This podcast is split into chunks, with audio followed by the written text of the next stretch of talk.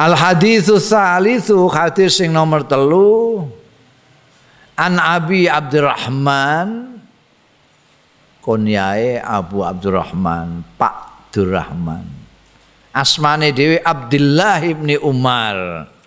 Abdullah bin Umar bin Al Khattab nek mau sing dhisik loro hadis awal lan sani iku sumbere saka Sayyidina Umar bin Khattab alias Amirul Mukminin. Hadis ketiga ini putrane. Putrane Sayyidina Umar termasuk salah satu cendekiawan yang luar biasa dari sahabat Kanjeng Rasul sing asmane Abdullah bin Umar. Ada beberapa Abdullah yang cemerlang dari dikasih Kanjeng Rasul sallallahu alaihi wasallam dijuluki Abadillah itu. Abdullah bin Umar, Abdullah bin Abbas, Abdullah bin Amr bin As itu itu tokoh-tokoh kabeh. Abdullah bin Mas'ud Abadillah. Iki Abdullah bin Umar.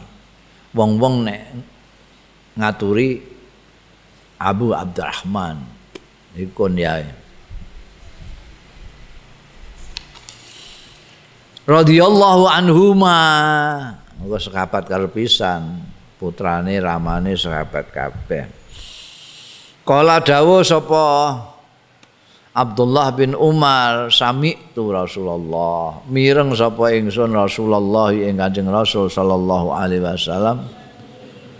Tak pireng yakulu ingkang dawuh ya Kanjeng Rasul bunyal islamu ala khamsin kebangun napa al islamu islam iki islam iki dibangun ala khamsin ing atase limang pondasi. Syahadati alla ilaha illallah wa anna muhammadar rasulullah. Nomor siji syahadat. Yen ora ana kang sinembah kejaba Allah wa anna muhammadan astune kanjeng nabi Muhammad iku rasulullah. Wa iqamis shalah Nomor loro jumenengke salat. Wa ita zakat lan memberikan zakat, menehake zakat.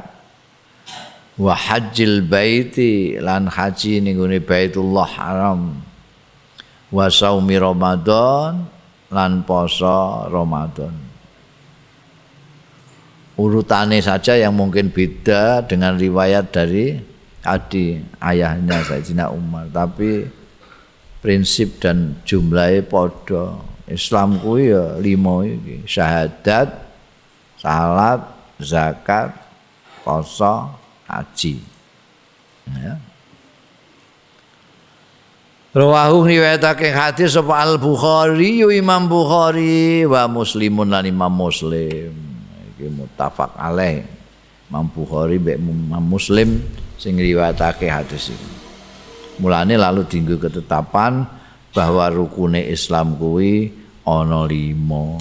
Ini dasarnya adalah hadis-hadis ini.